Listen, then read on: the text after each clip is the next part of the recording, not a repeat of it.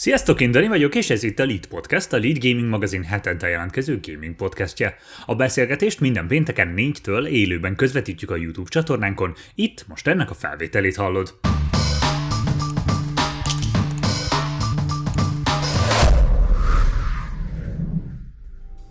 Szép jó reggelt mindenkinek!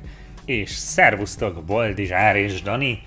Újra eljött a péntek, újra Lead Podcast van, és ma is itt vagyunk nektek egy, egy csodálatos témával, de előbb szokás szerint megkérdezem, hogy kinek milyen volt a hete, Boldizsár? Fárasztó volt. Örültem a múlt heti napsütésnek, és eltűnt a világomból. Rengeteg hideg nap, sötét nap, szomorú hír. Ez nehéz, nehéz az a hét szerintem. Front is, kicsit mindenki ingerlékeny, kicsit minden nehezebben fordult most, úgyhogy Úgyhogy most jó, jó pénteknek, jó péntek kell lenni, hogy úgy mondjam. jó, hogy vége. a boltba, veszek egy sört, érted? Alukázok itt egyet estig, aztán nem alszom este, nem, valami jó kis békés programot tervezek. Az jó. Dani, ezzel, ezzel mennyire tudsz azonosulni? Én azt láttam, hogy nálad, mint hogyha sütne a nap. Um, hát valami olyasmi. Ja, nagyon érdekes, mert egy párom is mondta délután, hogy végigmentünk ma, ma, ma a teljes ilyen időjárási skálán. Szóval uh, reggel be volt borulva, ónoteső is esett, aztán szakadt a hó, utána kisütött a nap, most meg egy ilyen tipik délutáni idő. Szóval ja, az én hetem az kicsit fejfájósan telt, kicsit érzékeny vagyok ezekre, de uh, igazából még nagyon nincs is vége, mert én még hétvégén is dolgozni fogok ugye állítani, úgyhogy lehet majd olvasgatni. É, Lehet olvasgatni, gyerekek. Igen, az, az nem kellemes. A fejfájással nagyon egy, együtt tudok érezni ezt a, a frontot, azt én is mindig borzasztóan megsínem, és héten minden nap migrénem volt. Ma az első, hogy nem, hogy nem kell bevennem csöpított, mert eddig tök jól vagyok. Ezt le is kopogom gyorsan. De hát igen, a hétvégi munka az valószínűleg nekem is kinéz, mert hát ugye forgatni szeretnénk, és szabadtéren szeretnénk forgatni, amit erősen befolyásol az időjárás, és egész héten nem tudtuk leforgatni, amit szerettünk volna, és most, most is jelenleg úgy néz ki, hogy csak vasárnap lesz olyan idő, hogy ezt tudjuk forgatni, úgyhogy valószínűleg aznapra kell, aznapra kell tennünk. De a jó hír nektek, hogy jön egy jó kis forgatott videó, egy hardware teszt, amiről lehet, hogy már beszéltem is, hogy egy rollereket nem egy rollereket, három rollereket tesztelek, és arról fogunk majd egy videót csinálni. Ez, ez fun lesz. Tóth Tokai Kolos. Igen, mindenki elkezdett podcastelni, tehát azért nem hallgat minket csinálni, mert mindenki a sajátját csinálja. Mi is, mi is elkezdtünk podcastelni. Most már fél éve, vagy nem tudom mennyi ideje. Úgyhogy... Egyébként a, a más formában, de már szerintem már lassan egy évet csináljuk egyébként. Amúgy mert ja. még a, a Hemiékkel kezdtük el a, a podcastelést. Áron, Hemi és Dani, és nem. én négyen kezdtük Dávid volt a negyedik, nem én. Tényleg? Uh-huh. Hát ez most nem vagyok benne biztos. Igen, mert akkor még nem volt kamerám. Az első koronavírusos, home office-os dolognál már elkezdtük ezt, akkor még a talán a lead Facebookján toltuk, és akkor a Youtube-on még nem. Tehát már, már egy éve próbálkozunk azzal, hogy pontosan hogy lenne, és akkor ez a fix YouTube-os podcast most már vagy fél éve megy, szerintem, ja, ja. ebben a felállásban. Igen. Ja, úgyhogy ö, azt mondom, hogy térjünk is rá a témánkra, ami egy elég általános, vagy, vagy, vagy, vagy beszéljük úgy, hogy ilyen... Szóval, hogy az a téma, amivel már eddig is foglalkoztunk egy csomót, mégpedig a, az egész videójátéknak, a, a videójáték fejlesztésnek a, az ipar része. Tehát, hogy hogyan készülnek a játékok, miért készülnek a játékok, milyen szempontok befolyásolják a játékok készítését, és elsősorban ugye az anyagi szempontok. És amikor beszéltünk délelőtt erről a témáról, hogy, hogy hogy is nézzen ki és mit is akarunk mondani erről, akkor ugye úgy, úgy szűkítettük ezt le, hogy a videójáték az művészet, vagy üzlet? És ez egy, ez egy elég tág kérdés, de most átadnám Daninak a szót, mert elsősorban te hoztad, fel, hoztad ezt a témát, hogy egy kicsit járjuk körül, hogy mi is a kiindító, és, és miről beszélgessünk ezzel kapcsolatban. Hát igen, tehát vannak, vannak ilyen különböző szempontok, amik alapján érdemes végigmenni. Én miután pont megbeszéltük ugye délelőtt a témát, én akkor kerestem rá ilyen nagyobb diátadókra, és azok között is a, leginkább a BAFTA diátadóra, uh-huh. ugye ez a Brit Akadémia um, díja, diátadók állája leginkább, és um, hát azért szemléztem a 2021-es nevezettek, jelöltek közül, és hát azért vannak érdekes szempontok, és én úgy gondoltam, hogy ezeket is majd majd a podcast kicsit későbbi szakaszában majd ide lehetne venni, és uh, szemlézni lehetne belőle, nem sokára egyébként uh, diátadó lesz április 11-én. Um, de ami miatt nagyon érdekes téma, az szerintem az, hogy ugye van két, hát de inkább három olyan nagy cég, amelyik kifejezetten üzleti alapú működik. Ugye az egyik az Electronic Arts, a másik az Activision Blizzard, a harmadik pedig a Take-Two Interactive, ugye náluk vannak a Rockstar Games és társaik.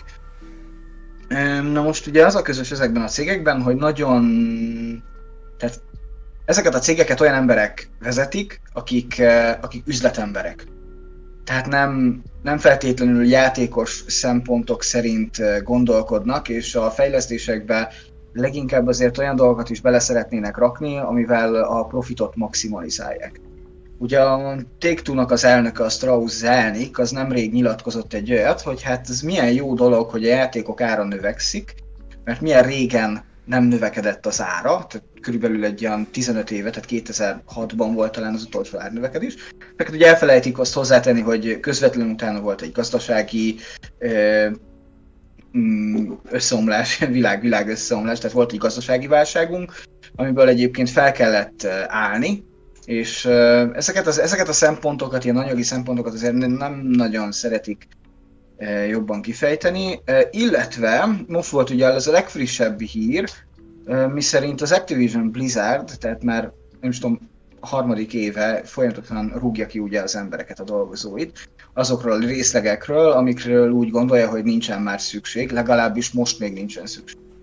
Ugye a hír az úgy kezdődött, hogy először az esport részlegről küldtek el 50 embert, és um, ezt még azért úgy meg lehet emészteni, mert hát ugye a koronavírus járvány miatt az esport rendezvények sem nagyon lehet ugye megtartani, tehát kicsit azért csökkent a látogatottságuk, de ettől függetlenül ugye az Activision Blizzardnak a bevétele, akár az esport bevétele, amit már áttevődött ugye az online térre, mint minden más is, növekedett. Na mindegy, a lényeg, hogy elküldtek még ezen az 50 emberen kívül uh, még 150 embert legalább, tehát körülbelül a cég 2%-át építették le, és mindeközben a Bobby Kotick, az Activision Blizzardnak az elnöke, ezzel párhuzamosan 200 millió dollárral jutalmazta magát. Ugye ez a hát egy kicsit azért ez így felül. kiverte az embereknél a biztonságot, és nekem is ez jutott rögtön az eszembe, hogy tehát akkor, ha ennyire profitorientáltak ezek az emberek, és ennyire maximalizálják a profitot, az esetleg nem látszik meg mondjuk az általuk, tehát az ő, az ő kiadójuknál lévő fejlesztőcsapok munkáján is. Tehát a videójátékok mennyire művészet, mennyire művészet a videójáték, és mennyire üzlet. Igen, el... Nagyon érdekes kérdés. Tudom, hogy nagyon sokan gondolkodnak erről, meg nagyon sokan már megfejtették, hogy igen, a videójáték az művészet. Én nem feltétlenül gondolom így. Én egyébként művészeti iskolába jártam, méghozzá 3D-s animációt tanultam, tehát elég sokáig, szóval van valami fogalmam azért erről, de ettől függetlenül azért lehet, hogy megosztó lesz majd a véleményem. Hát igen, tehát hogy ez, ez már önmagában, önmagában ugye onnan indulat a felvetésed, hogy a videóját, tehát hogy már eleve az a sokan vitatkozzanak, hogy a videójáték eddig sem volt művészet. Mondjuk szerintem azért mi gaming újságíróként, vagy most jobb oldalán helyett nem beszélek, de én is abszolút azon a véleményem vagyok, hogy a videójáték az egy, az egy művészeti ág, tehát az egy alapvetően egy, egy kreatív alkotás, tehát hogy nem, nem úgy művészet, mint mondjuk a, mint egy festmény, mert értelemszerűen nagyon sokszor a, a művészetet azt egy művésszel szoktuk azonosítani, de tehát, hogy az, hogy most több művész dolgozik rajta, vagy, vagy több alkotó dolgozik rajta, az nem veszel az értékéből egy mű, műalkotásnak, tehát hogy filmeket sem egy ember szokott csinálni, tehát a, fi, a, a film a leg, legkézenfekvő párhuzam, hogy egy film is egy olyan műalkotás, amit egy nagy csapat csinál egy művészeti vezető irányítása alatt, és ha már amúgy itt a film párhuzamnál tartunk, ott is ugye mindig van egy anyagi vonzata a dolognak. És ebből a szempontból egy nagyon hasonló kérdés ez, mint a filmeknél, hiszen ott is már zajlik, zajlott, hát ezért a filmeknek sokkal nagyobb történelme van, mint a videójátékoknak. Pontosan ugyanez a kérdés, hogy tagadhatatlan, hogy abból adódóan, hogy egy videójáték hány ember együttműködéséből kell, hogy megszülessen, ezért muszáj, hogy legyen egy üzleti komponense, hiszen ne, nem egy ember csinálja az idejében és adja el, és mit tudom én, hanem sok embernek a fizetése, stb. stb. Tehát kötelező, hogy legyen egy üzleti komponense. Ö, és ebből adódóan felmerül a kérdés, hogy mikor és hogyan tolódik el a hangsúly, vagy, a, vagy, a, vagy, a, vagy az egyensúly a kettő között? Tehát, hogy kérdés, hogy ezeknek egyensúlyba kell lenniük, vagy az egyiknek nagyobb szerepet kell kapnia, ha mondjuk játékra vonatkozó kritikus hmm. döntésekről van szó. Szerintem először is fontos, hogyha elkezdjük ezt a beszélgetést, az, hogy mihez hasonlítjuk a videójátékot. Mert most ahogy a Dani elkezdte, ugye, hogy nem olyan, mint egy festmény, és nem olyan, mint egy film, de olyan bizonyos szekciókban, ez szerintem nagyon fontos, hogy ezt jól hasonlítsuk össze jó dologgal, uh-huh. mert szerintem biztos, tehát a videójátékok ma még a single playerek is na, leggyakrabban nem egyszeri kész termékek. Uh-huh.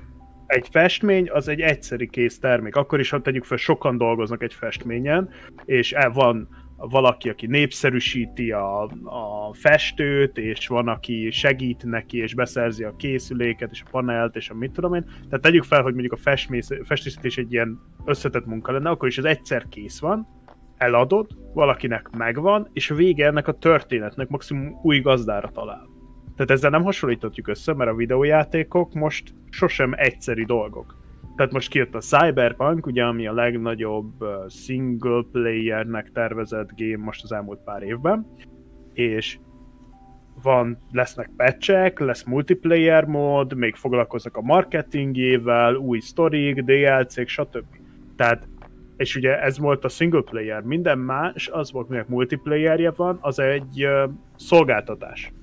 Igen. Tehát ez nem egy egyszerű dolog, és ezért nem is hasonlíthatjuk össze mondjuk egy filmásra szerintem, ahol ugye egy csapat dolgozik rá, és kifejezetten van művész, és akkor vannak emberek, akiknek sokkal nagyobb lenyomata van ugye ebben, viszont értékesítenie kell, tehát muszáj, nekem elment a stream, nem tudom, másoknak nem. Jó. Minden esetre, tehát, hogy értékesíteni is kell, tehát nem lehet az, hogy most olyanról beszélsz, vagy nem olyanról csinálsz, vagy hogy ha nem jut el embereké, akkor az olyan mennyire...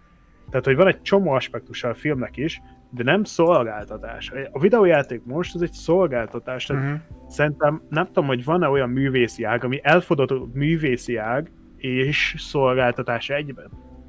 Mert olyannal kéne alapvetően összehasonlítani ezt, és szerintem ilyet nem, így hirtelen nem jutott eszembe egy sem. Nekem a Disneyland a... jutott eszembe. A, a Disney és a Disneyland. Netflix is ilyen. Disney az egy vállalat, aki kiad ilyesmit, tehát nem, akkor nem, nem, nem, Disneyland, van, Disneyland, tehát a hogy Disneyland effektíve az, egy... hogy az, hogy mondjuk ugye ott is olyan élmények vannak megtervezve, amik folyamatos, interaktív mm, Team Park.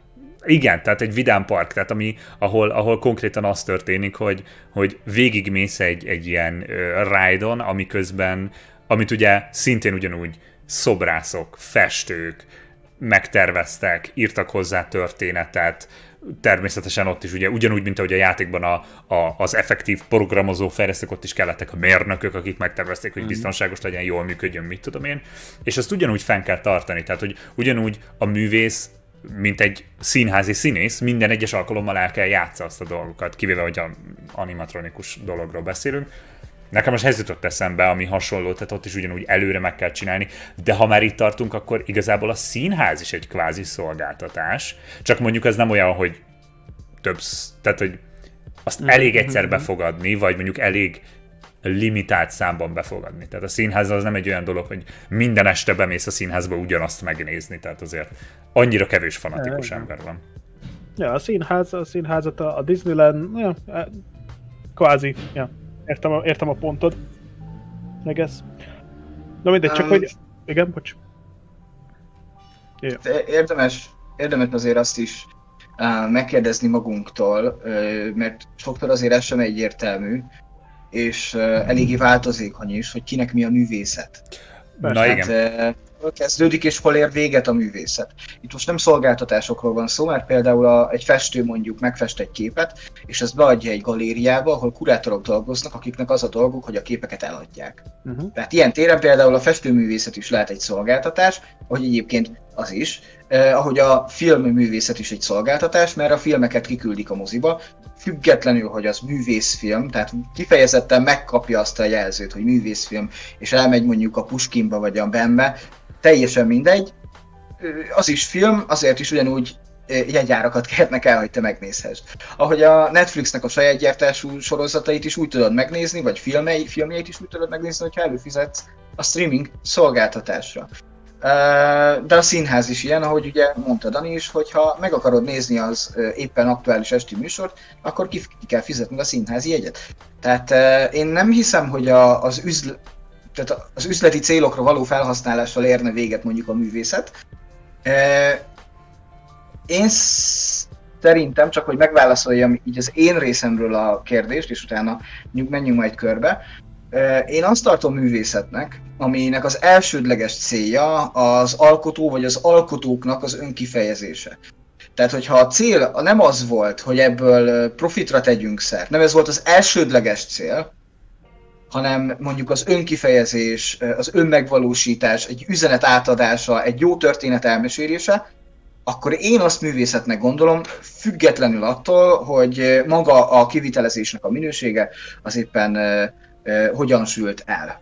Egy kritikusnak pedig ilyen tén az a dolga, hogy a, az aktuális műnek a, az értékét, a belerakott munkát és bármit, tehát ami, ami a műről van szó, azt így megítélje, elbírálja, akár esetleg ajánlja, már hogyha így az interneten vagyunk.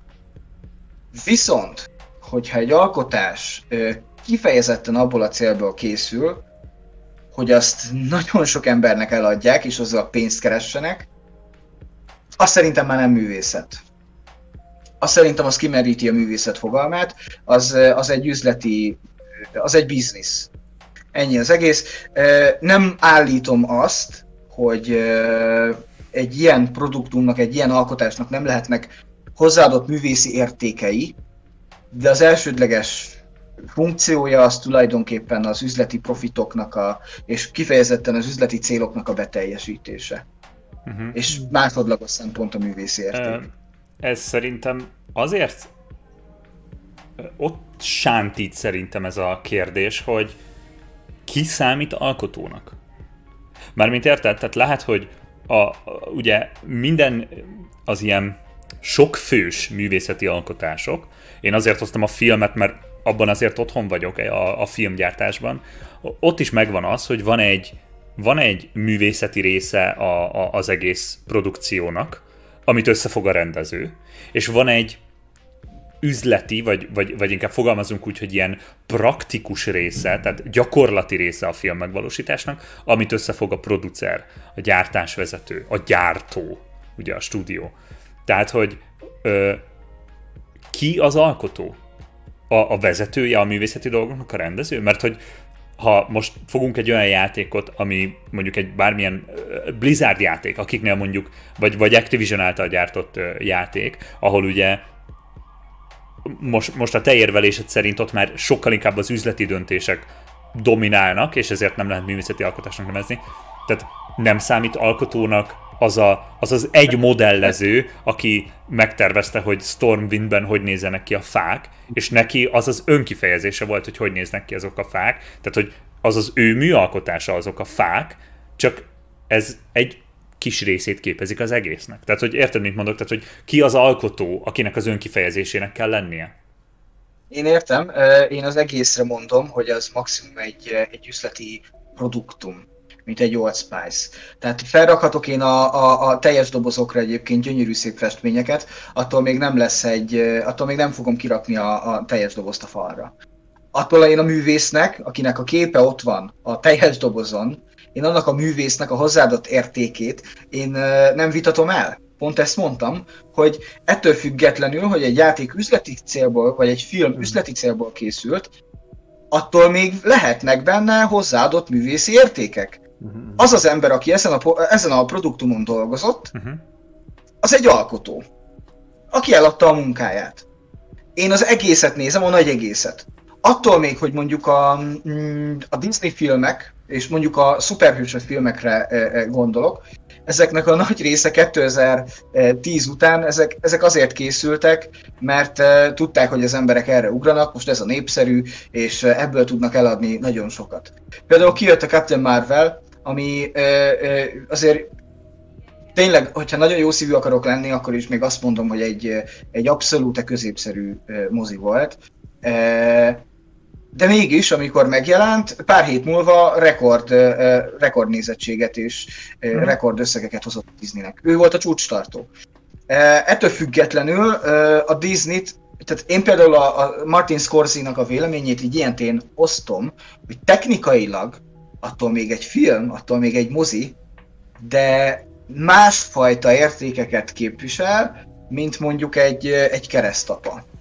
És most azért jutott eszembe ez, mert volt egy kritika, amiben a most megjelent igazság ligája Snyder Cut Snyder Cut-ot hasonlították a, a keresztapa kettőhöz, hogy a hosszú feg, amiért talán. Tehát ettől függetlenül én azt gondolom, hogy onnantól üzlet egy játék és nem művészet, elsősorban, hogyha már a filmgyártást hoztat fel példák, példaként, hogy mik a célok. Tehát, hogyha egy, egy hogy is mondjam, fontossági priority sorrend. Tehát ha a, a film az úgy készül, hogy meg kell felelni a gyártási elvárásoknak, akkor a maximum a filmnek hozzáadott művészi, művészi értékei lehetnek, de önmagában nem művészet már.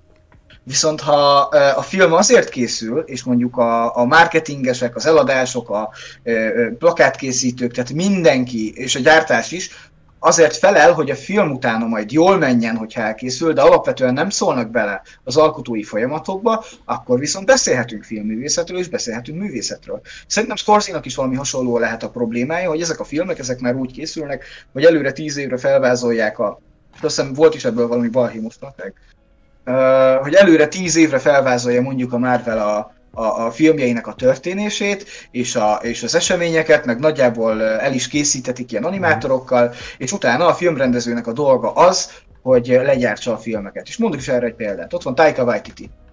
Uh, imádom a munkáit, nagyon-nagyon szeretem, uh, és, és imádtam a Thor Ragnarököt is.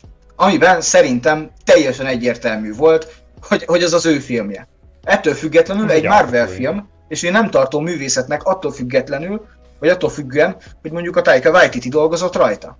Mhm. Hozzáadott művészeti értéke van, meglátszik rajta a waititi a stílusa, de ettől függetlenül egy jó iparos Marvel munka volt, és nem több. Ahogy egyébként a, és most nagyon csúnya leszek, és, és nagyon sokan meg fognak utálni, de ez a véleményem, és nyugodtan ki lehet majd osztani itt a, a chatben, megpróbálok egyre kettőre majd válaszolni is, de ettől függetlenül azok a fejlesztők, akik a minden évben megjelenő FIFA-n, Call of Duty-n és e, e, hasonló sorstársaikon dolgoznak, e, azoknak a nagy része, a nagy része, kiemelem, az e, játékipari szakmunkás és most nagyon csúnyán fogalmaztam. Mm. De ez a helyzet.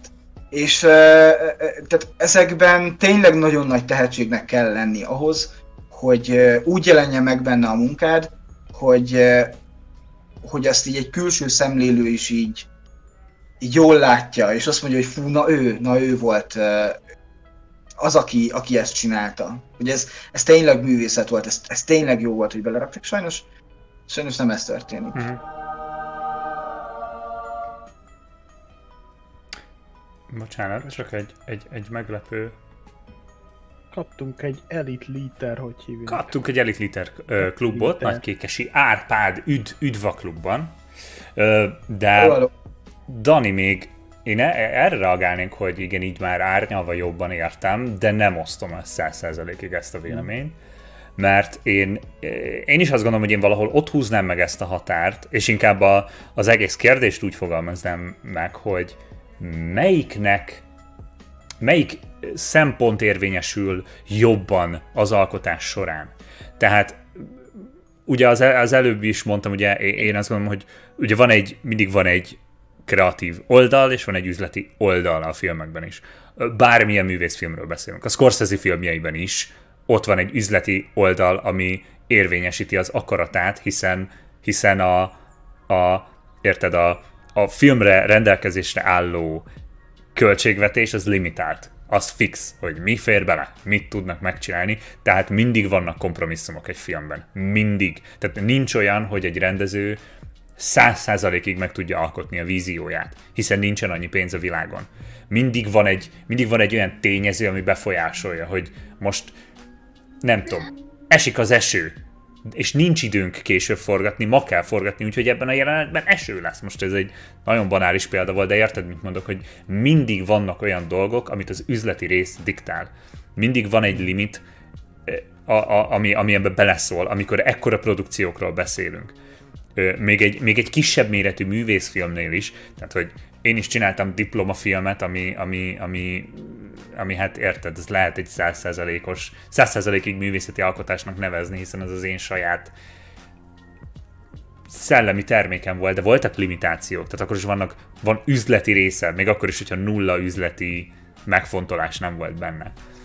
Tehát szerintem ezt nem lehet százszerzalékig kizárni, és hogyha csak ez alapján ítélnénk meg, akkor nincs is művészet.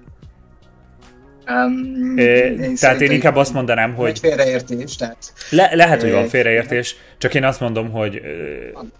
Tehát szerintem, szerintem az sokkal fontosabb, hogy kompromisszumok mindig vannak, de, de én attól még, hogy, hogy valami, valaminek a végcélja, vagy az elsődleges célja inkább egy üzleti szempont, az még nem veszi el a művészeti értéket belőle egyáltalán. Például, amit most, tehát én most, a, amit a FIFA-ról mondtál, vagy a Call of Duty-ról, tehát hogy én attól még ezt egy ugyanúgy egy művészeti alkotásnak érzem a Call of Duty Cold War-nak a sztoriát. Másik dolog, hogy most tetszik-e vagy nem, az nem, nem, nem attól művészet valami, mert jó, tehát hogy attól még, hogy a, mit tudom én, a Captain Marvel egy középszerű film, attól még művészet, tehát a művészet nem attól lesz művészet, hogy jó-e vagy sem. Szóval hmm én ezt inkább így látom. Szerintem ez... Ugye, bocs, mondjad, mondjad, mondjad, mondjad. Szerintem csak az, hogy nehéz becímkézni mindent ilyen nagyon szigorúan. Tehát nehéz határvonalakat húzni, hogy jó, akkor, hogyha profitorientált, akkor ezt most nem nevezük művészetnek, de van művészeti értéke, ami megmaradhat. És így gondolkodtam, hogy beszéltetek ezen, igazából egy nagyon megfoghatatlan téma ugye ez az egész, főleg egy ilyen uh, nagyobb projektes dolgoknál, több száz ember, különböző csapatok, különböző részlegek dolgoznak. Tehát amúgy meg ugye minden lehet művészet, tehát én például azon gondolkodtam, hogy oké, okay, ha profitorientált egy videójáték, akkor uh, és nem, nem nézem azokat, amik atipikusan művészeti ágak, tehát például az, hogy hogy van megcsinálva a fa, érted, meg a környezet a World of warcraft és hogy hívják, mert azt ugye tipikusan mondhatod, hogy ez művészeti érték. Tehát attól függetlenül, hogy nem kezeled művészi produktunként, vannak benne művészi értékek simán.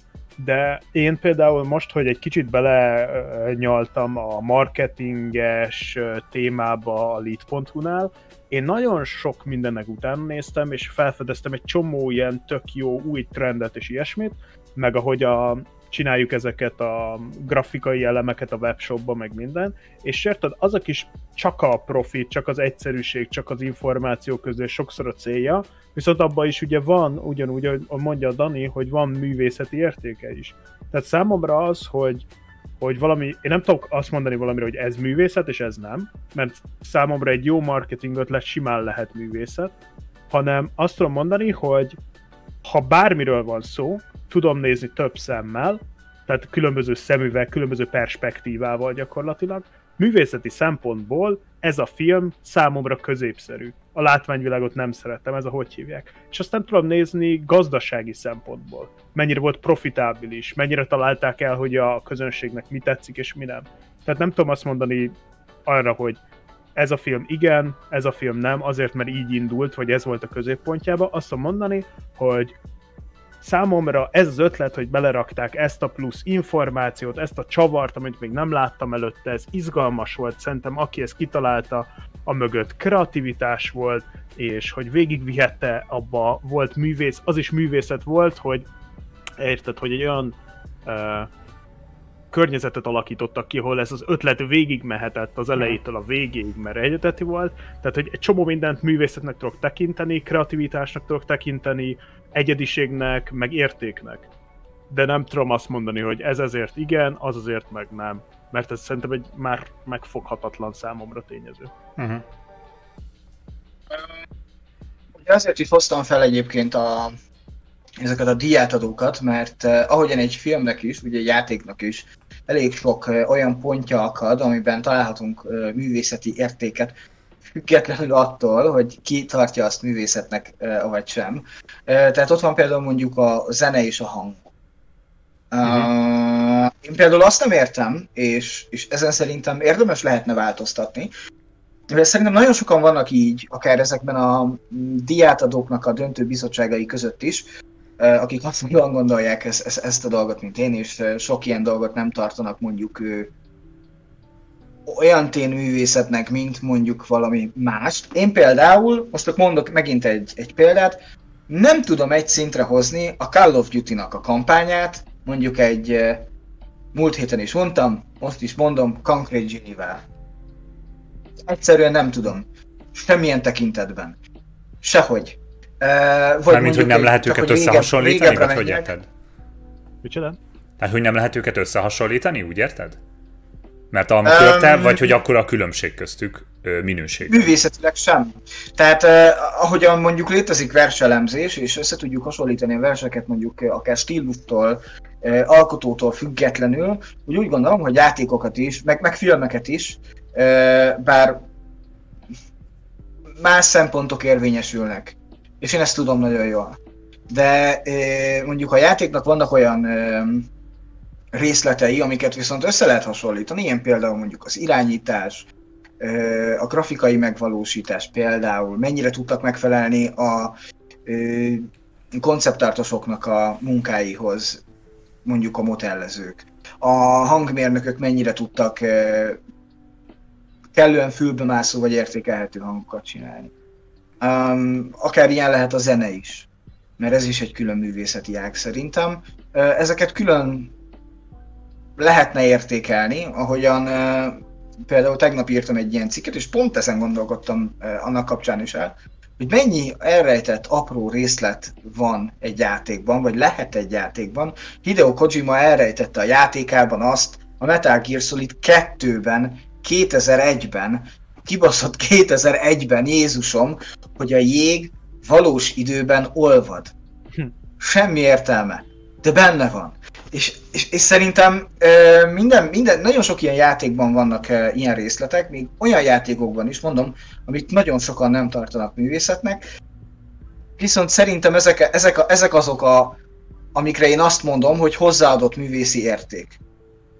Um, ahogy mondtad te is, hogy mondjuk egy rendező nem futhat ki a büdzséből, a Kojimával pont ezért romlott meg a Konami-nak a viszonya állítólag, ugye, hogy a, Ko- a Kojimának akkora volt a bérigénye, a bér és a szabadság igénye, mert mint így az alkotásai fölött, hogy szabad kezet kapjon, amiben a Konami már nem nagyon tudott belemenni, nem tudott, nem találtak kompromisszumot, nem jutottak megegyezésre is, el kellett, hogy váljanak. A Konami gyorsan akart játékot olcsón, a Kojima pedig lassan akar dolgozni, nagyon szabadon, olyan játékot, amit akar, nagyon sok pénzből. Um, tehát melyik szempont érvényesül, és hol kezdődik akkor a művészet? Mert például én nem tudom elképzelni azt, hogy mondjuk a, a FIFA fejlesztő csapata, az EA Canada, az azt mondja majd a kiadónak, hogy srácok, mi egy nagyon brutál focis játékon szeretnénk dolgozni, amiben belerakjuk a szívünket, lelkünket, uh-huh. de figyeljetek, kell négy év, amire ezzel elkészülünk. Ez ilyen nem fog csődbe menni, de nem fogják azt mondani, hogy srácok, nem fogjuk elszkippelni a következő három yeah. fifát. Csak azért, hogy, hogy ti, ti az elégedettek legyetek, és belerakjatok mindent, és elkészítsétek a világ legjobb focis játékát, amit valaha készítettek. Ahogy szerintem a kodnál sem mm, áll fent az a veszély, hogy valaha ki fognak hagyni egy évet. A Ubisoft persze meglépte azt, hogy két évente adják ki a játékaikat, konkrétan látható nem is tudom, hogy sikernek lehet-e egyébként nevezni, mert én például azért is égek ki az Assassin's Creed játszása közben, és ez a gondolat nagyon sokáig érlelődött a fejemben, hogy mennyi tartalom van ebben a játékban, de mégis mennyire üres. Igen, ezt Megteszek is két lépést a játékban, és ott van egy mellékküldetés, ott van egy felvehető tárgy, ott van egy felfedezhető környék, ott van egy levadázható állat, de mégis unod. Mégis úgy érzed, hogy teljesen üres a világ. Miközben mondjuk megnyitod a, a Witcher 3-at, ami hasonló kaliberű játék, hasonlóan RPG, hasonló nyílt világgal, és nincsen elrejtve léptennyomon, nagyon sok tartalom van benne, de nincsen léptennyomon úgy olyan szinten széttömve, szétbombázva ilyen extrákkal a környezet, mégis él, mégis lélegzik. Mitől? Azért, mert ott a művészetet egy olyan szint, mármint a játékművészetet egy olyan szintre emelték, ahol minden összeáll. Ott nem arra figyeltek, hogy legyen jó a grafika, mint mondjuk a Crytek csinálja. Nem arra figyeltek, hogy fú, legyen nagyon durva mint mondjuk egy ö, ö, nem tudom mivel, nagyon biztos, hogy van, van ilyen játék. Ö, és tovább, és így tovább, és így tovább hanem az, hogy minden összeálljon. Tehát a, a, a CD Projekt Red, azt hiszem, hogyha jól emlékszem, egy külön díjat kapott arra, hogy a környezet milyen, a környezet hangjai milyen, milyen brutálisan voltak megcsinálva. Ez már szerintem egy művészet, amit önmagában is lehet a játéktól függetlenül értékelni. Szerintem valahol itt kezdődik a művészet. Ha egy mhm. játék csak azért készül el, hogy azt el tudják adni, akkor lehet benne hozzáadott művészi érték, de az én megfogalmazásomban az Aha. már nem... Nem... Ö... Én nem veszem művészetnek. Uh-huh. Igen, ezzel nekem, nekem az a bajom ezzel a, ö, ezzel a hasonlattal, hogy, hogy ö, most nagyon könnyű a, tényleg a Kojima esetét összehasonlítani a FIFA-val.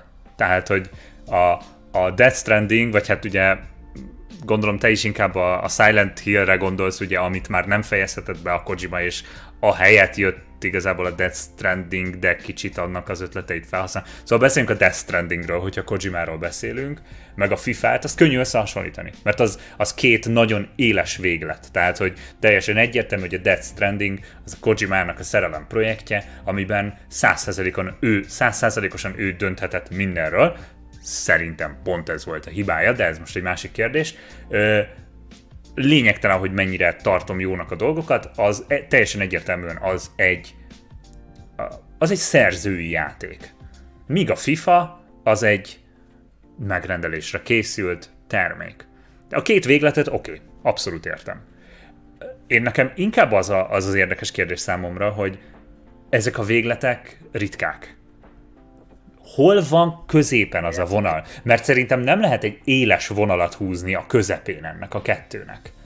Mert valahol így, tehát amennyi játék megjelenik érted egy évben, azok között ezt nem lehet ilyen egyértelműen kijelenteni mindennél, hogy mi művészet és mi nem az. Mert most, most mit fogalmazunk a profitorientáltságon?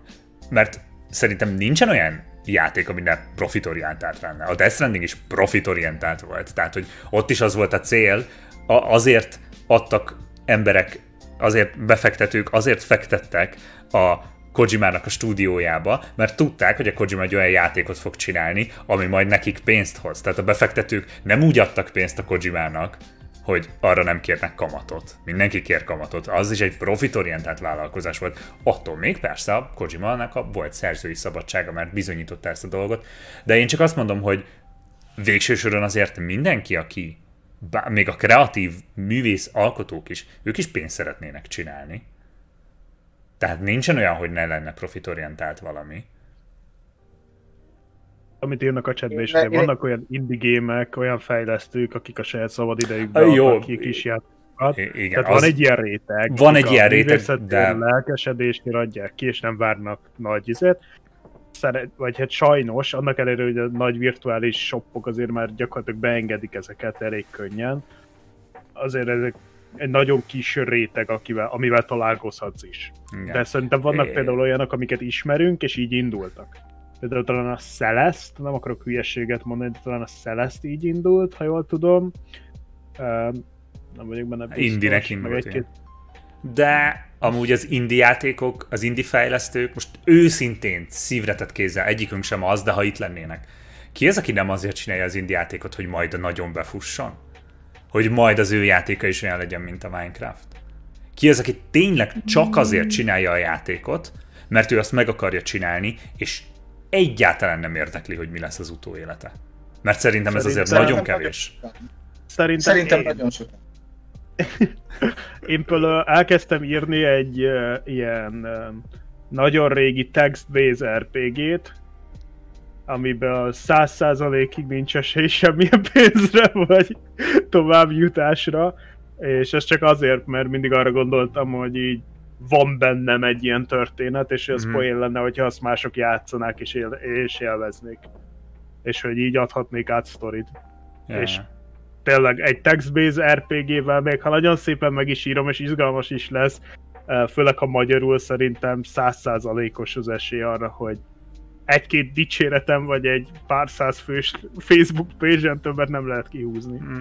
Szóval szerintem azért van ilyen, de nyilván amikre gondolunk most inkább azok a Steamben fent lévő kisebb gémek, amik remélik, hogy egy-egy jó mechanik, vagy egy-egy jó ötleten alapul el tudnak helyezkedni az iparba. Biztos vagyok benne, ez a nagy többségét lefedi ezeknek a játékoknak. Benne, százalékosan kérdeztem, igen.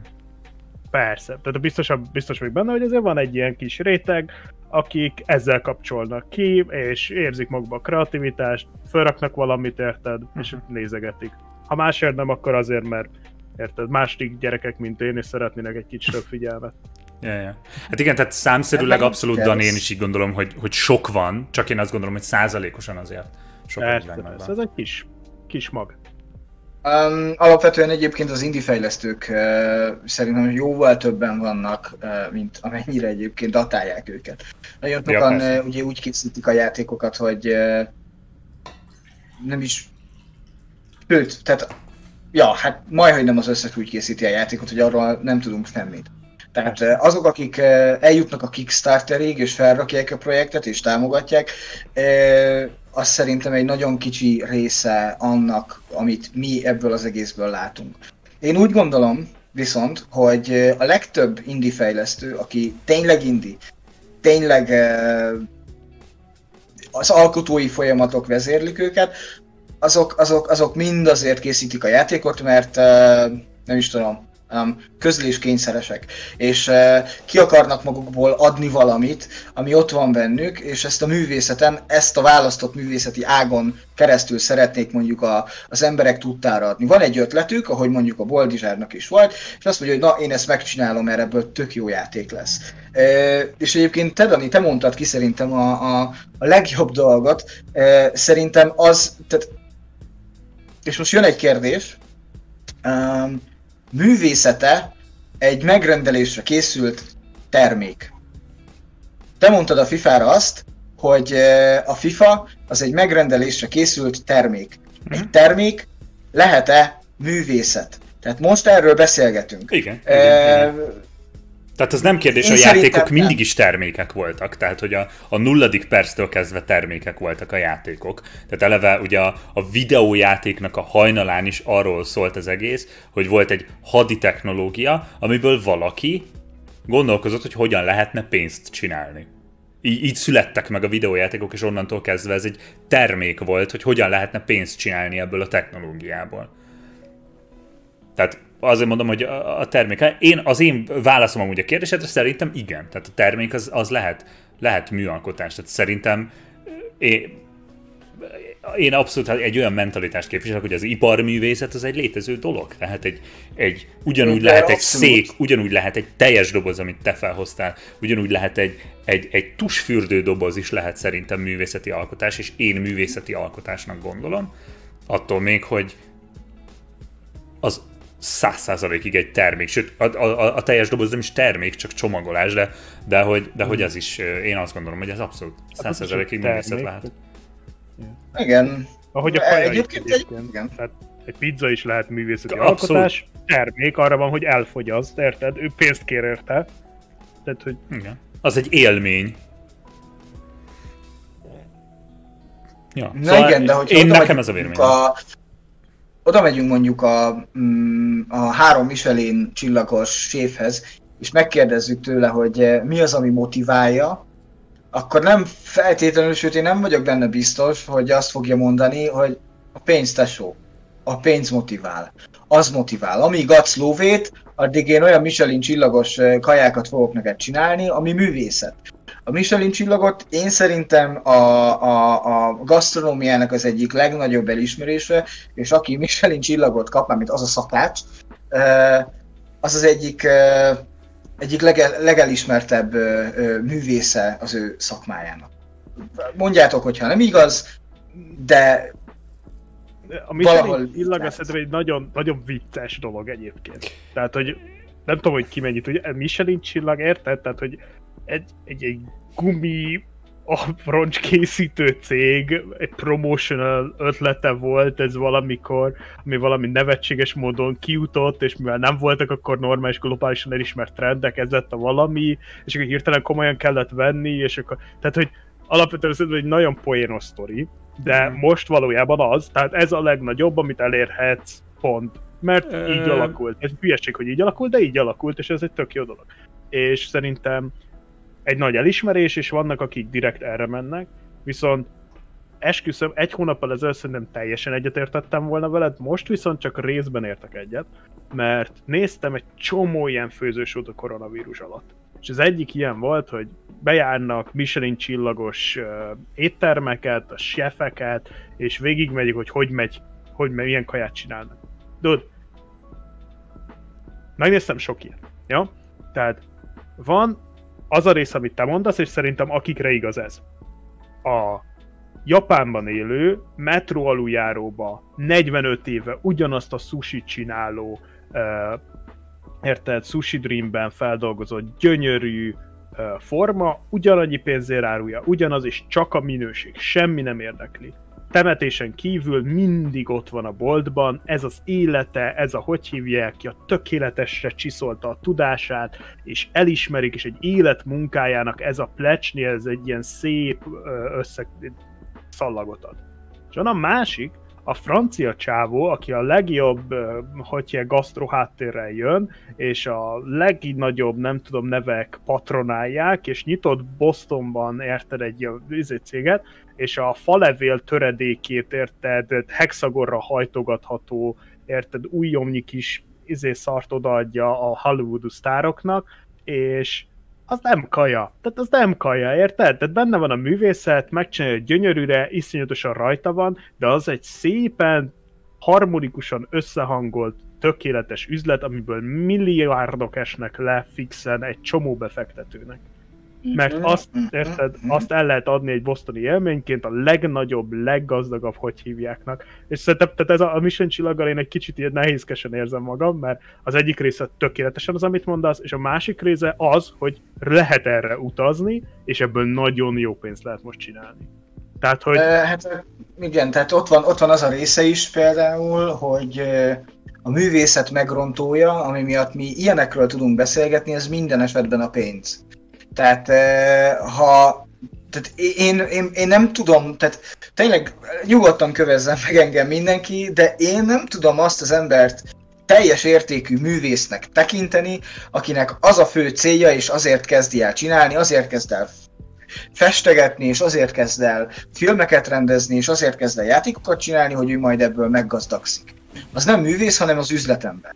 Így hívjuk ezeket az embereket. Hm. Ha van egy ember, aki nyit egy éttermet, és azt mondja, hogy na, idehozom a legkirályabb Michelin csillagos ö, ö, szakácst, akkor ő azért akarja a, a, a saját éttermében tudni, mert tudja, hogy ő egy húzónév, hogyha odahozza, akkor menni fog a biznisz. Ezek üzletemberek, nem művészek, ezek üzletemberek, így hívjuk őket. E, nagyon sok festő, nagyon sok, e, e, nagyon sok egyéb művész, még a század és az ezredforduló tájékán is, meg még azelőtt is, mély szegénységben halt meg mert nem, mert nem, nem, nem, nem az érdekelte és nem az motiválta őket, hogy, hogy a pénz alá rendeljék a művészetüket. Nem az volt a cél, hogy közvélemény kutatások alapján készítsenek el egy játékot, és múltkor erről egyébként volt szó, amikor egy ilyen hasonló oldalon pókázgattunk, és próbáltuk megfejteni, hogy mi éppen milyen típusú um, játékosok. játékosok vagyunk. Az a helyzet, hogy ezeket az oldalakat és ezeket a teszteket is azért csinálták, hogy felmérjék, hogy a játékosoknak mire van igénye. Az, amikor az igény szabja meg a portékát, és azért készül el, mert tudják, hogy ezt tudják a legjobban, a legszélesebb körben, a legtöbb embernek eladni, én azt nem tudom teljes értékű művészetnek venni. Én arra azt tudom mondani, hogy az egy nagyon jó termék, mint ahogy az Assassin's Creed is egy nagyon jó termék, és nem mondtam, hogy a Call of Duty rossz. Ahogy nem mondtam azt sem, hogy a Call of Duty-nak nincsenek hozzáadott művészi értékei, mert vannak, lehetnek. De az egy termék. Egy, egy, egy termék, egy, egy, egy olyan cucc, amit kifejezetten és kizárólag azért készítettek, hogy azt el tudják adni, üzletet csináljanak belőle. Semmi más, nincsen funkciója.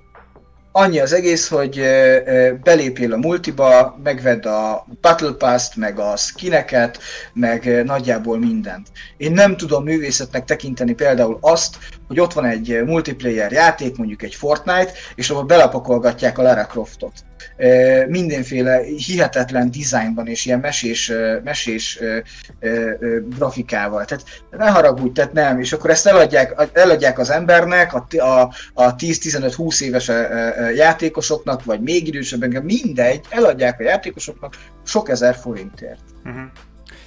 Nem tartom ezt művészetnek. Én, én, én, én nagyon sok embert és videójáték alkotó zsenit tartok művésznek. Például a nagyon sokat füllentő, hazudó Peter Molino, szerintem egy nagyon jó példa erre. Mindent összehazudott a csávó csak azért, hogy megvegyék a játékokat. Tehát a csávó az nem csak egy kiváló, kiváló művészember, játékfejlesztő zseni volt, hanem egy kibaszott jó marketinges is, aki megígérte a, a a Black and White-ba, hogy ilyen játék még soha nem készült. Mi leszünk a legnagyobb istenek a földön ebben a játékban. Hogy megígérte a Fable-nél azt, hogy, hogy e- ez a játék lesz az RPG király, ebben bármit megcsinálhatsz, bármit. Ha megcsinálhatsz, mag, alapítasz családot, lehet gyereked. Ha a karaktered meghal, akkor majd a gyereked, majd gyerekeddel fogsz tudni tovább játszani, hogy milyen menő lesz. Semmi nem valósult meg soha. Ja. Semmi. És Már mégis olyan játékokat, mégis olyan játékokat csinált a csávó, hogy tényleg az ember ledobja a haját. Ezek az emberek művészek, akik persze fontos, hogy eladják a, a portikáikat, mert az ember pénzből él. Tehát, hogy nyilván az ember nem azért fog a mai világban megfesteni egy képet, hogy, hogy éhen halljon, mert nyilván abból nem fog magának kenyeret venni. Tehát nem, nem az lesz, hogy bemész a boltba a cyberpunk-kal, és azt mondod, hogy kérek egy kiló kenyeret érte. Tehát nyilván nem, nem ez a cél, meg nem, nem ezért készülnek, és fontos a profit, de ezek a különböző bizniszágazatok, ezeknek kiegészítenie kellene egymást, és nem pedig ilyen aláfölé rendeltségi viszonyban lenni. Legalábbis szerintem a jó, jó működéshez ez kellene. Uh, az, hogyha mondjuk kifut egy fejlesztő a büdzséből, akkor azt kompenzálja a kreativitásával lévén ő a művész. Ő tudja azt, és nem a producer, hogy bizonyos dolgokat mondjuk a, a, a forgatás során, vagy a játék készítésének során hogyan tud mondjuk másképpen megoldani. Hogyan tudja mondjuk visszaforgatni valahol valami másképpen. Hogyan tudja azokat a dolgokat megváltoztatni. Nagyon sok olyan játékot látunk és ismerünk, Uh, amiben a bizniszmenek eldöntik, hogy mi legyen a játékban, mit akarnak belerakni, és a végén az így nem működik. És megkapja a negatív értékeléseket, a játék nem fogy jól, és azért, mert a bizniszmenek azt mondták, hogy ennek meg ennek benne kell lenni a játékban, mert ha nem lesz benne a játékban, nem tudunk sok pénzt keresni. Hmm. Lásd Battlefront 2. Jó játék lett, jó játék lett. Lehúzták, lehúzták. Miért húzták le? Azért, mert sok pénzt akartak keresni. Ennyi. Na jó, de most amit te mondasz, meg szeretném beolvasni ezt a Gergely Ákosnak, vagy Ákos Gergelynek a kommentjét, hogy a művész tevékenysége akkor igazi, ha az a hobbija és pusztán lelkesedésből csinálja. Én ezzel ezt egy ilyen száz százalékig eltúlzó véleménynek tartom, ezt, ezt én teljes hülyeségnek tartom. Tehát ez az amatőrista felfogás a művészetről, szerintem már régóta nem élt. Tehát, hogy szerintem pont az a tragédia, hogy mély szegénységbe haltak meg és ne kelljen már mély szegénységben meghalnia egy művésznek, hanem értékeljük a művészetét. És én azt gondolom, hogyha a, lehet, hogy a Fortnite nem művészeti tevékenység, vagy lehet, hogy a FIFA nem egy művészi alkotás, de hogyha a FIFA-ra van szükség ahhoz, hogy elkészüljön egy Fallen Order, akkor az összességében az még működik. Tehát minden művészet mind, tehát a művészetben mindig szükség van olyan dolgokra, amit el lehet adni. És én, én, erről, én erről így gondolkozok, de amúgy most a végére, Dani, te meg pont átkanyarodtál arra, amivel meg egyetértek, hogy az tök fontos, hogy a, ki hozza a döntéseket, és miért, hogyan befolyásolják a döntéseket. Csak ez meg már egy olyan dolog, amiben egyszerűen nem látunk bele. Tehát nem, lát, nem látunk bele abba a meetingbe, amit a, amit a stúdió és a rendező ö, vitat meg egymással azokat a kompromisszumokban abban nem látunk bele, és én azt gondolom, hogy abban nem lehet határvonalat húzni, hogy most a döntések 50%-át hozza a rendező, az 50%-át a stúdió, és akkor kiegyensúlyozott, vagy nem tudom. Ez nagyon érdekes, mert vannak egyébként jó példák is, amikor szerintem ez láthatóan jól működik, amiről most te beszélsz, és ilyenek a Sony játékok. Az exkluzív játékok. Uh-huh. Ezeket úgy csinálták, ha megnézed egyébként az exkluzív játékokat, a Sony exkluzív játékait, mondjuk csak vegyük a nyílt világú játékaikat, azok azért úgy, úgy rendre-rendre majdhogy nem ugyanazok. Tehát én például a, a Horizon Zero Dawn-ban és a Pókemberben szinte ugyanazt csináltam. Ahogy a Ghost csus, csus, na, Tsushima is e, e, ugyanez. E, de egyébként a Naughty Dognak a játékai is nagyon-nagyon hasonlóak, és ja. nagyon hasonló mintázatra vannak felépítve. Ettől függetlenül vehetjük őket művészetnek? Persze, hogy vehetjük őket művészetnek. Ettől függetlenül megfelelnek az üzleti szempontoknak is, mert el tudják adni a játékokat nagyon-nagyon jól, ahogy egyébként a, a God of War is ilyen volt. E, illetve játékként és önálló művészeti alkotásként is tudnak funkcionálni. Uh, és itt van ez a, ez a megfelelő balansz szerintem. És a Sony, igaz nem tudjuk, igazad van abban, hogy nem látunk bele a pontos működésbe. Tehát feltételezni tudunk csak. De az, amikor azt látjuk, hogy mondjuk a Sony játékai ö, teszem azt negyed annyiból, vagy fele annyiból készülnek el ilyen minőségben, mint mondjuk egy következő Far Cry, vagy mondjuk egy következő FIFA, vagy mondjuk egy következő Call of Duty, akkor én felteszem a kérdést, hogy why? Így miért? Ja. Tehát, hát igen. Hogy? Tehát, hogy mit, mit csinálhat a Sony, hogy ö, ö, hogy, hogy ezek valahogy neki sikerül. Nagyon furcsa. És ott van mondjuk a másik véglet, mondjuk a Microsoft, ami most az utóbbi időben elkezdte lapát, egy, egy, egy kicsit félek és ezektől a dolgoktól, a Microsofttól nagyon. Én nagyon fokra tartom a Microsoftnak a tevékenységét, de az, amit azért mostanában csinálnak, az egy, egy kicsit aggasztó. Lapátolják bele a pénzt a saját stúdiókba, nem nagyon gondolkodnak ilyen üzleti szempontok alapján, mert hogyha gondolkodnának, akkor nem adtak volna ki 7,5 milliárdot a Bethesdáért, amit mindegy is. Lapátolják bele a stúdiókba a pénzt, láthatóan nem is nagyon mondják meg, hogy úgy milyen irányba fejlesztenek, mert hát azért létrejöhetett egy Grounded, ami hát nem lett egy ilyen őrületes siker, attól függetlenül, hogy szerintem egy kiváló játék. De nagyon sok ilyen, például az ID Kukac Xbox programjukon is lehet látni, hogy azért nagyon támogatják a fejlesztőket, az indie fejlesztőket, segítenek a fejlesztésben, és a többi, és a többi.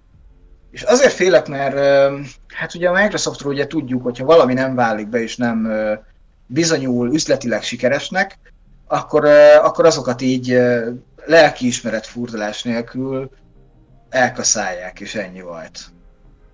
Ilyen Molinónak a volt stúdiója, a Lionhead is. Uh-huh. Itt megvettek, nem volt rentábilis, bezárták. Um, tehát nyilván, és most egy kicsit visszanyúlva, én is szomorúnak tartom azt, hogyha uh, valaki mondjuk így régen, mert az egy régi világ volt, nem volt marketing és stb. stb. éhen hal a művészetéből. Nyilván ez nem lehet szempont, és nem ilyenek mentén kell gondolkodni egy alkotónak, hogy ő akkor lesz majd alkotó, akkor lesz művész, hogyha amúgy éhen hal és hobbiból csinálja. Tehát nyilván, tehát hogy ez, ez, ez, ez nem így működik. Én a balansz, a megfelelő balansz, balansztól teszem, teszem ezeket a dolgokat függővé és még mindig, hogyha az üzleti szempontok érvényesülnek, akkor az egy, akkor az egy üzlet. Lehetnek benne hozzáadott művészeti értékek, még mindig ugyanezt mondom, ahogy mondtam is az elején, de attól az még nem lesz egy, szerintem egy önálló művészet. Ha van egy festő, akkor annak legyen egy menedzsere. Dolgozzon egy, és általában egyébként ezt így szokták csinálni, hogy egy galériával együtt összedolgozva a kurátor ugye kiajánlja a munkáit, akik kimennek külföldre, különböző másik galériákba kiállítják a műveket, ott meg, megpróbálják ugye eladni, körbe mennek az embereken, stb. stb. Tehát ez ennek a marketing részének kiegészítője, és nem pedig a, az irányadója kell, hogy legyen egy, egy fejlesztésnek, vagy egy mhm. filmrendezésnek. Mm, a kiegészítője, igen, én is. Egészet. Így gondoltam. Hát igen, csak hogy ugye a, a videójátékipar az most már, mostanra, 2021-re legalábbis, az nagyjából már ö, ö, egy kicsit így elvesztett az arányokból. Legalábbis a mérleg az nagyon elpillent, inkább az üzlet fele és a marketing fele, mint, mint az önmegvalósítás, és tényleges jó játékok készítésé felé. Ennek a legjobb példa egyébként jó pár évvel ezelőtt a Watch Dogs is például.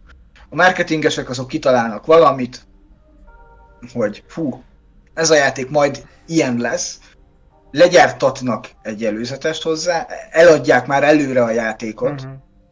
hogy te tudjad, hogy ezt meg akarod venni, és mikor megveszed, akkor látod, hogy ez nem is ugyanaz. Yeah. Mint amikor megveszed a magyarós csipet, kibontod, és mondjuk uh, sajtos van benne. Végül is chips, nem? Csak az íze más. Ez ugyanez, szerintem. Yeah. Hát igen, ez, ez a Ubisoftra úgy elég igaz, meg, meg amúgy az Anthemmel is ugye ugyanezt történt.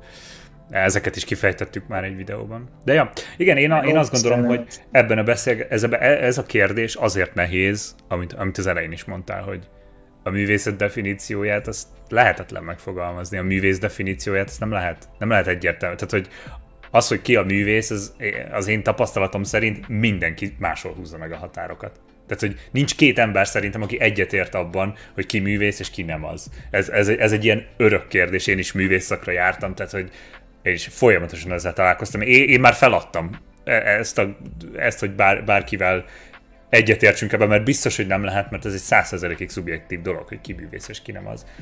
De, de igen, én is azt gondolom, hogy szükség van, szükség van egy balanszra, és, és igazából szerintem legfeljebb az ijesztő, hogyha olyan jeleket tapasztalnánk, hogy már soha nem készülnek olyan játékok, amiket művészetnek lehetne nevezni. Én viszont ezt nem látom, hogy ilyenek, hogy ez, ez megtörténne. Mert én azt gondolom, hogy mindig lesz olyan, aki ilyen játékokat akar majd csinálni. Az, hogy meg jó, vannak cégek, akiknek meg ilyen üzleti, az... Köszönjük. Még jó, hogy mondtad az indiket, szerintem amíg indi fejlesztők lesznek, addig nem kell attól félnünk, hogy a, hogy, hogy a tényleges videójáték művészet az eltűnne a földszínéről. Én nagyon örülök például egy Orient the Blind Forestnek és egy konkrét Genie-nek, amiket egyébként támogatnak a nagyobb stúdiók, meg a kiadók, de, de elkészülnek, és, és milyen királyok, hogy elkészülnek. Ettől függetlenül még ott van egy rakás másik, szerintem tök jó példa, hogy ja, mi tekinthető a... művészetnek. Tehát amíg vannak indik, addig lesz, szerintem. Igen, de ez a közönségnek a felelősség, érted? A videójáték az most nem egy ilyen, hogy hívják, az egy nagy iparág, érted? Ahol milliók esnek le, és azzal, hogy támogatsz egy darab művész eh, alkotást, aminek ez a központja, egy, eh, egy élmény átadása, nem pedig az, hogy a mikrotranszakciókkal lehúzzák a hogy hívják ott, hogyha játszod, megveszed, támogatod, akkor ennek lesz helye. Ha nem, ha visszatérsz a FIFA-hoz, belevágod 90-90-90 százalékot minden, hogy hívjákba, és kiátszod, minden csak ezzel tolsz, és a többi, akkor ezt fogják adni neked, érted? Mert ebből van üzlet. Ha ez, ez, ez nekünk a felelősségünk játékosoknak, érted? Hát jó, de ez ilyen tömegkultúra. Tehát az, hát, hogy, a, hát, az, hogy, az, hogy ennyire eltolódtunk a marketing, mark, igen, tehát hogy ennyire eltolódtunk uh-huh. a marketing irányába, arról azért szerintem egy kicsit mi is tehetünk. Tehát az, amikor, amikor a, tehát van is egy ilyen mm, ilyen nagyon jó kis mondóka, hogy a vásárló a pénztárcájával szavaz. Tehát, hogyha, hogyha az IE mondjuk azt látja, és a, az Activision is azt látja, hogy hát amúgy ezt, ezt veszik, mint a cukrot, fogy, és a játékosok amúgy ezt akarják, akkor csinálni fogják. Ahogy az, elekt, ahogy az IE is azzal védekezik a lootboxokkal szemben, hogy hát ezt a játékosok szeretik. Persze. Tehát az, hogy az, aki költ valamire, az egyenlő azzal, hogy ezt, azt szeretik. És, és ennyi.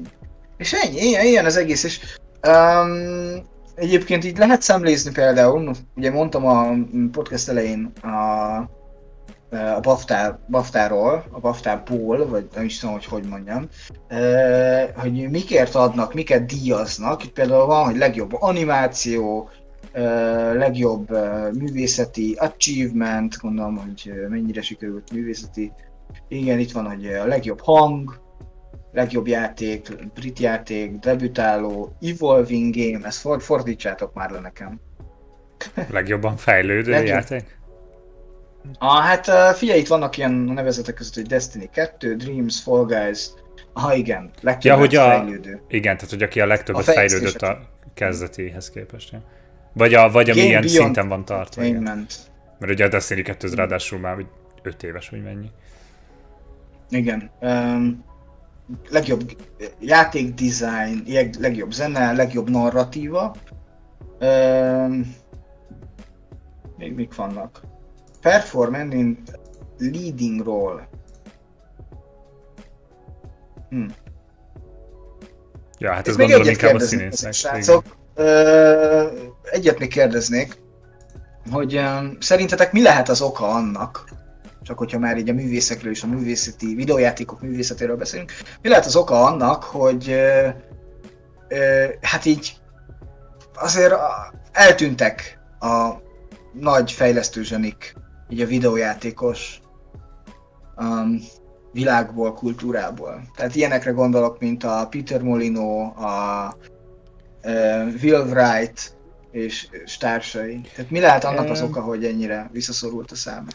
Én ezt, ezt, ezt tök jó, hogy ezt megkérdezed, mert nekem ez a szempont, ez fölmerül bennem, és vissza akarok tekerni, mert valaki írt egy, egy hasonlóan sarkított kommentet, amivel hasonlóan nem értek egyet, mint amit az előző, előbb felolvastam.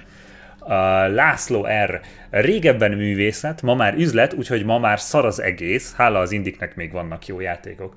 Ez is ugye egy ilyen tök tipikus gondolat, hogy régen jó volt, ma már nem. Az üzlet miatt. Ez ezzel megint csak nem értek egyet, amúgy megint, megint megduplázódott a nézőszámunk a stream végére, nem tudom mi történt, írjátok már be Léci chatbe, hogy aki most jött, hogy talált ide, hol kaptatok értesítést, hogy most jöttetek, erre kíváncsi vagyok, és folytatom a véleményemet. Szóval, hogy én azt gondolom, hogy minden olyan ö, iparágnak, vagy, vagy minden ilyen ö, ö, minden művészeti ágnak van egy jellemző életciklusa. Van egy korai ciklusa, amire alapvetően a kísérletezés jellemző, amikor még, amikor még elsősorban az alkotások azok kísérletek eredményeként működnek, Utána kezdődik a népszerűvé válása, tehát amikor ez a művészeti ág elkezd népszerűvé válni, olyankor jön egy, egy sokkal inkább ö, ilyen, ilyen népszerűség vadászat, vagy fogalmazunk így, és utána erre jön az üzlet, miután már népszerű lett, és ilyenkorra a kísérletező kedvű emberek azok addigra eltűnnek. Tehát én, én ezt gondolom, hogy azok, akiket ilyen művész zseninek mondunk, azok eredendően a kísérletező fázisban voltak nagyok, és most gondoljunk olyanokra, mint a, a Romero, tehát hozzuk ide még az elejét, a, a 90-es éveket is, és onnantól kezdve, hogy ebből igazán nagy üzlet lett, addigra azok el, ezek eltűnnek. Nem tudom, hogy látom, hogy csak volt, aki telített lett a piac. Tehát, hogy ja, érted, amikor is. kezdett kinőni ez a 90-es évek, 80-as évek az árkád játékok helyett otthoni, hogy hívják, otthoni készülékeken kezdtek el játszani, hirtelen megugrott egy hatalmasra, érted? Amikor elmentél az árkádba, akkor aki ott volt, játszott egy videójátékkal. Hazavittétek a készülékeket, eljöttek a konzolok, eljöttek a az egész család. Nevelted a generációkat rá. Az öcsébe, az öcsé nem egy ember volt a családban már, aki játszott, hanem mindenki megismerte a kultúrát. Most meg már ugye a koronavírussal is, meg minden, hát már teljesen a videójátékozás az mainstream, tehát ez az egész valakit gamernek nevezni nem szégyenérzet vagy valami ilyesmi, mert mindenki játszik valamilyen szinten uh-huh. videójátékokkal. Telített a piac. De egyébként szerintem öt évvel ezelőtt már mondhatnám, hogy inkább, hogy kiveszett, és így mindenki azt hitte, hogy megtalálták, hogy mik működnek, és mik nem működnek már ezen a, a piacon. Tehát, hogy mit lehet eladni. És amikor elkezdődött ez az erős streaming hullám, hogy így nagyon aktívan nézzük, és nagyon nagy óra számba ezeket a streamereket, kezdett fogyni a content, és megint újra esélyt kaptak a kreatív, művész, hogy hívjákok, amik egy-két ügyes csavarra, vagy egy új ötlettel, vagy olyasminek feltörhetnek hirtelen nulláról a legmagasra, és aztán persze általában le is zuhannak a vérbe. De szerintem most megint van egy nagy hulláma annak, hogy azoknak jó ötlete van, aki művészetért csinálja, aki tényleg tudja, hogy mit szeretne, és nem csak ez a piaci, marketinges cucc, az megveri ezeket az EA FIFA nézőket, és hogy hívják. Tehát most, most szerintem nagyobb esélyed van megverni a nagy cégeket, mint valaha volt. Tehát szerintem nem fog ezt kiveszni, hanem pont most készülnek, ahogy beszélünk, ezek a játékok, amik kreatívak és művészek, és otthon kitalálta valaki, meg egyébként a Reddit-tel, például nem tudom, néztek a Reddit-et gyakran, rengetegen töltenek fel, biztos, hogy a heti több olyan videót láttak, hogy Hali, négy éve dolgozom ezen a játékon a spanyaimmal, itt tartunk. És hogy tök jó kis ajánló, egy kis kreatív uh-huh, koncert, egy kis valami, és több tízezer ember egyből találkozik vele, a Redditnek hála, és Steam-en fölírják a watchlistre, és ha kész van, játszani fognak vele. Tehát szerintem, nem tudom ki oldotta föl a, a bant ezen, biztos fontos volt. Szóval, jó. Minden esetre szerintem most van egy teljesen új hullám, ami elő fogja hozni ezeket a, a kreatív embereket. Hát um, igazából nagyon szeretném én is ezt hinni. Uh, én azért pont azt látom, hogyha van egy jó ötlet, és ennek már tíz éve, tehát már tíz éve lehetett látni, hogyha van egy jó ötlet, akkor azt előbb-utóbb megveszik. Tehát láss például Minecraft. Tehát jött egy, volt, egy, volt egy jó ötlet, és abban a pillanatban megvették. Dollármilliókért. És az ilyen fejlesztők azok uh, bele fognak menni a bizniszbe, bele, bele, fognak, bele fognak menni. És ezért is tartom még mindig a véleményemet, hogy sajnos ennek a művészeti ágnak, vagy akár az iparművészeti ágnak, mert szerintem a videójátékok esetében azért nagyjából valami hasonló köztes dologról beszélhetünk, pont a pénz az, ami a legnagyobb megrontója. Um, ahogy szerintem annak idején a filmművészetnek is ez volt a legnagyobb meg- megrontója, és fel, szerintem ezért is beszélhetünk a mai napig művészfilmekről, mert azok a filmek, amik, amik, amikre rásütik, hogy művészfilm, várhatóan kevés embert fognak mozgatni, vagy akár egy bizonyos réteget csak. És nem feltétlen egy nem feltétlen a, a filmre fordított büdzsétől lehet ezt függővé tenni. De ott van például egy Lighthouse. Szerintem az is egy művészfilm, pedig jóval több és nagyobb büdzséből készült, jóval nagyobb stábbal, mint, mint mondjuk bármelyik a bemoziba küldött alkotás. Tehát, és itt is nyilván vannak határok, és vannak nem is határok, vannak szempontok, ami alapján egyébként, ha nem itt egyértelműen lehet rásütni bizonyos alkotásokra, hogy ez volt művészete, avagy sem, de ja, Um, nem tudom, már mit akartam mondani. ja, hát szerintem... Az, hogy nem, nem, nem mersz hinni abban, hogy uh, olyan könnyen megmaradnak ezek nem, nem, az a baj, az a baj hogy, hogy, hogy, hogy én tényleg, és nagyon-nagyon mostanában, az utóbbi pár évben vettem magam, magamon észre ezt, hogy a legjobban mindig is olyan játékokkal szórakoztam, és ez, ez én vagyok, tehát hogy ez csak egy példa a millióból, de az utóbbi időben vettem észre magamon azt, hogy leginkább olyan játékokon szórakozok, amik, amik ilyen indie fejlesztésűek, és nem, a, nem, nem ilyen óriási büdzséből készültek el. Múltkor is beszéltem a Subnautikáról, soha életemben nem gondoltam volna, hogy egy olyan játék, aminek már az alapvető körítésre, már az egész stílus nem tetszik, vagyis így óckodtam tőle, mégis ennyire elvarázsolésre fog. Uh, ahogy így a platformerekért nem feltétlenül, azért van egy-kettő, amiért tényleg rajongok. Nem gondoltam volna, hogy ennyire leköt mondjuk egy konkrét Genie. Miről szól most a legtöbb játék? Hogy legyél kompetitív, győzd le másokat, lőjünk halomra mindent, az ingerekről, hogy minél gyorsabb és minél több inger érjen tőled. Ezek mind-mind olyan szempontok, amik, amik a mai világnak való megfelelést prezentálják mm-hmm. számunkra. Ha valami ilyen mentén, és tényleg a kutatások mentén épül fel, az nem művészet, az csak egy üzlet. Az egy üzlet. És nem mondom, és most, most megint, megint nagyon sokszor elmondtam, nem mondom, hogy ezeknek az alkotásoknak nincsen hozzáadott művészeti értéke, azt mondom, hogy ezek önmagukban nem állják meg, önmagukban nem művészeti alkotás. Hmm. Vannak olyan játékok, amik azok, hmm. vannak olyan játékok, amik úgy tudnak azok lenni, hogy irtózatos nagy siker lett, mint például mondjuk egy Among Us, csak hogy egy ilyen korai példát mondjak, vagy mondjuk egy Fall Guys, ezek szerintem mind az üzleti, mondjuk az kellett is a szerencse, tehát azt tegyük hozzá, hogy kellett a streamerek, amit, amiről te is beszéltél, Boldizsár, hogy azért kellett az, hogy elkezdjék streamelni, a közönség megismeri, mert egyébként ezek, ezek, ezekben nem volt marketing. Tehát ez máskor máshogy nem jutott volna el az emberek. Ez ennyi emberhez biztos, hogy nem. Um, és ezért is nem hiszek. Tehát ez, ezekben a dolgokban, uh-huh. mert uh, mármint, hogy, hogy majd ezek fogják megmenteni a, a, az ipart, vagy az iparosodást, az üzleti, a, tényleg a, a, a brutális üzletévállást, mert ezek ilyen nagyon szélsőséges esetek. Tehát az utóbbi két-három évből tényleg annyi indie játékot tudunk, amiből ilyen brutális siker lett, mint mondjuk az Among Us vagy a Fall Guys, hmm. hogy egy kezünkön meg tudjuk számolni, miközben millió születik eh, egy hónapon belül is. Tehát nagyon sok olyan játék van, amiről életünkben nem is hallottunk, vagy nem is fogunk hallani.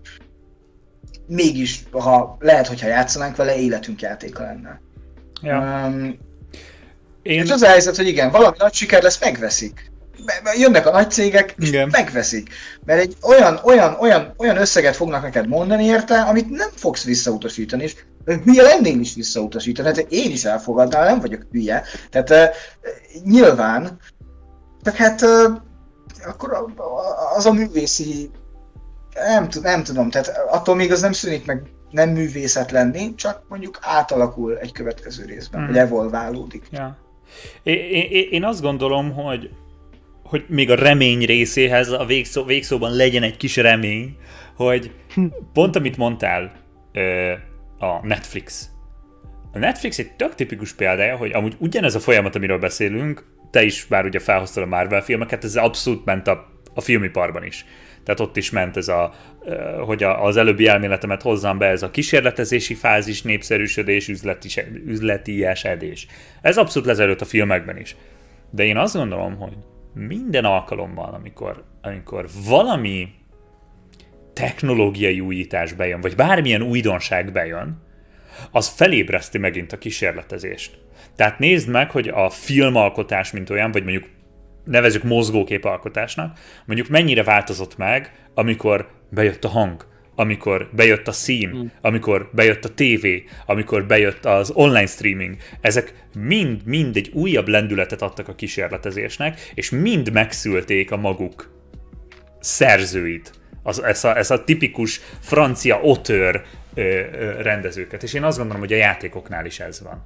Tehát ugyanúgy, ahogy jött a játékipar először még csak a játéktermi gépek, aztán otthoni konzolok, aztán haladunk szépen tovább, és aztán jöttek a flash játékok, mennyi indie játékot szült, jött az internet, mennyi játékot szült, tehát hogy én azt gondolom, hogy szerintem ez az, ami fenntarthatja a reményünket, hogy szerencsére a média technológia mindig fejlődik annyira, hogy mindig egy kicsit letisztázza a dolgokat.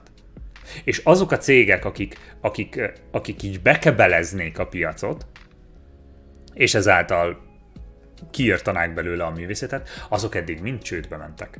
Tehát Sega a legtipikusabb példája, a Sega mennyire uralta a, a, a piacot, vagy hát jó, nem uralta, de mondjuk mennyire egyenlően osztoztak a Nintendo-val, és aztán amint jött egy új technológia, a Sony simán lenyomta, mert a Sega nem tudott lépést tartani.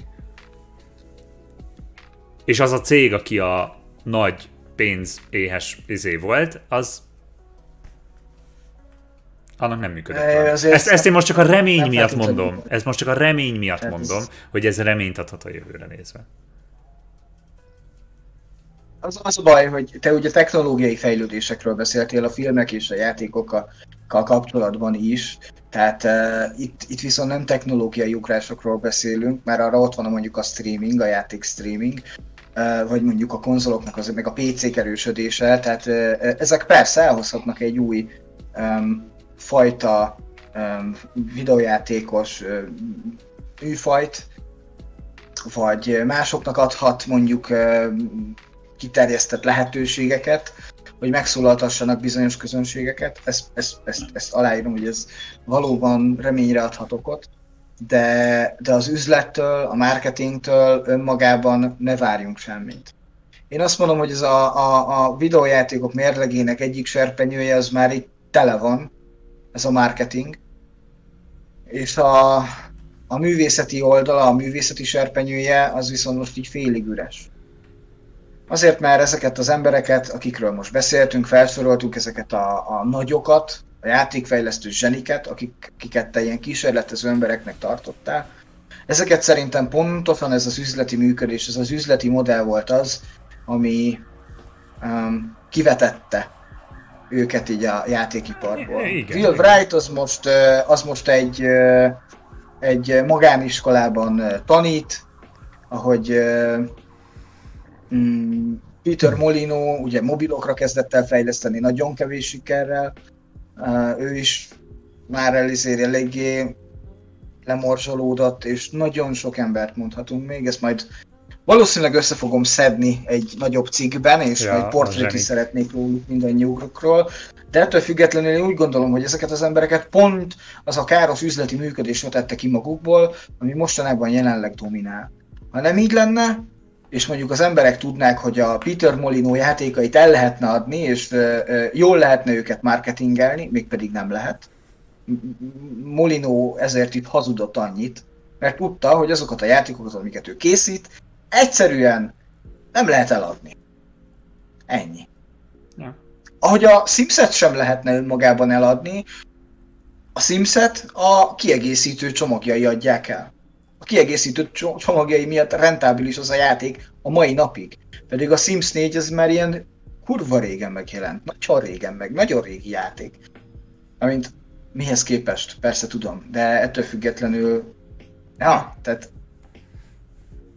Ja. Igen. Ez, ez úgy szerintem ja. összegzi. Ja. Most már, most már azt hiszem, hogy körbe-körbe futunk egy kicsit. azért, azért nem tudok reagálni. Most erre ugyan, ugyan, ugyan újra el tudnám mondani, hogy voltam. De hát igen, tehát, hogy nem, nem, nem értünk egyet. Uh, ja, jó van. Akkor szervusztok. Ennyi volt már a stream. Cső, szervusztok. Szép hétvégét.